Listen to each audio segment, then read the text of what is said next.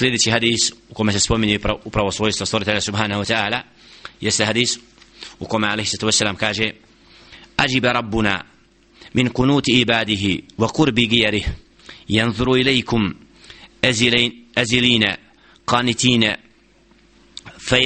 فيظل يضحك يعلم أن فرجكم قريب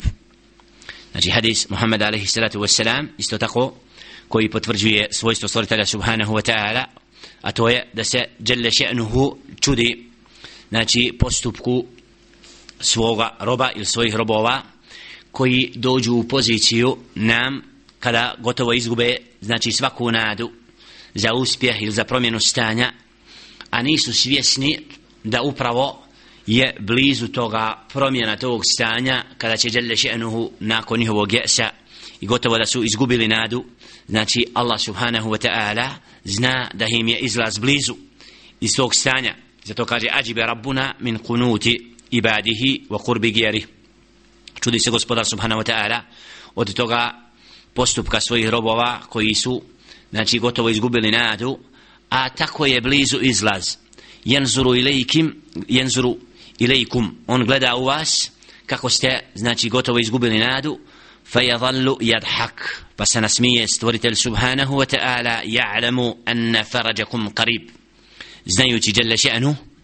da je izlaz blizu znači ovaj hadis upravo potvrđuje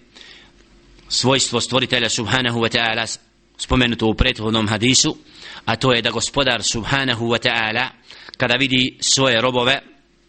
koji nakon što dođu u poziciju gotovo, gotovo da ne vide kuda je izlaz i gdje je znači pomoć da gospodar subhanahu wa ta'ala upravo u tom stanju kome se oni teškom nalaze smije se njihovom stanju znajući da im je upravo izlaz blizu toga. Znači zato je došlo u govoru lil ulema učenih ljudi da čovjek kada mu dođe gotovo najteže znači da vjernik kada bude u poziciji gotovo da izgubi svaku nadu i ne zna kuda će neka tada očekuje izlaz da gospodar subhanahu wa ta'ala upravo znači roba svoga ispituje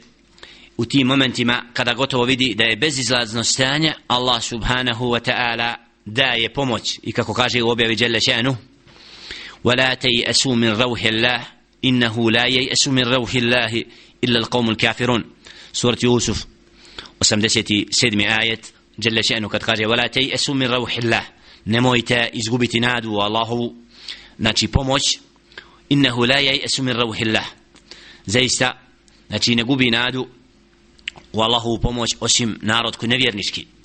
znači da istinski vjernici nikada neće u potpunosti biti razočarani i neće izgubiti nadu stvoritelja subhanahu wa ta'ala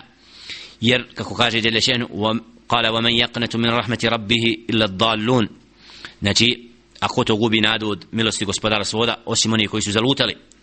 Ili kako stoji u hadisu Muhammed alaih sallatu wassalam va'alam anna nasra ma'a sabr wa anna al-faraja ma'a al-kard wa anna ma'a al-usri yusra. Alaih sallatu wassalam kad kaže va'alam anna nasra ma'a sabri znaj da je pomoć sa strpljivošću. Znači da je uspjeh i pobjeda uz strpljivost. Wa anna al-faraja ma'a al-kard i da je upravo izlaz nakon teškoće. Wa anna ma'al usri yusra. I da je sa poteškoćom i sa tegobom olakšica. Inna ma'al usri yusra inna ma'al usri yusra. Znači Allah subhanahu wa ta'ala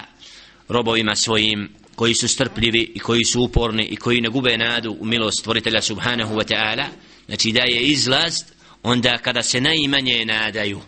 znači upravo Allahova pomoć dolazi iznenada kada čovjek je najmanje očekuje i zato od svojstava vjernika